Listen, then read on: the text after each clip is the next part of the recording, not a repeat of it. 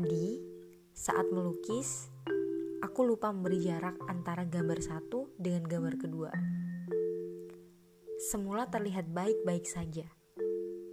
Tetapi saat kuwarnai dengan warna yang berbeda, yang kukira akan saling melengkapi dan mewarnai, keduanya justru terlihat berantakan. Tidak rapi, dan kedua warnanya bertabrakan, bukan berpadu.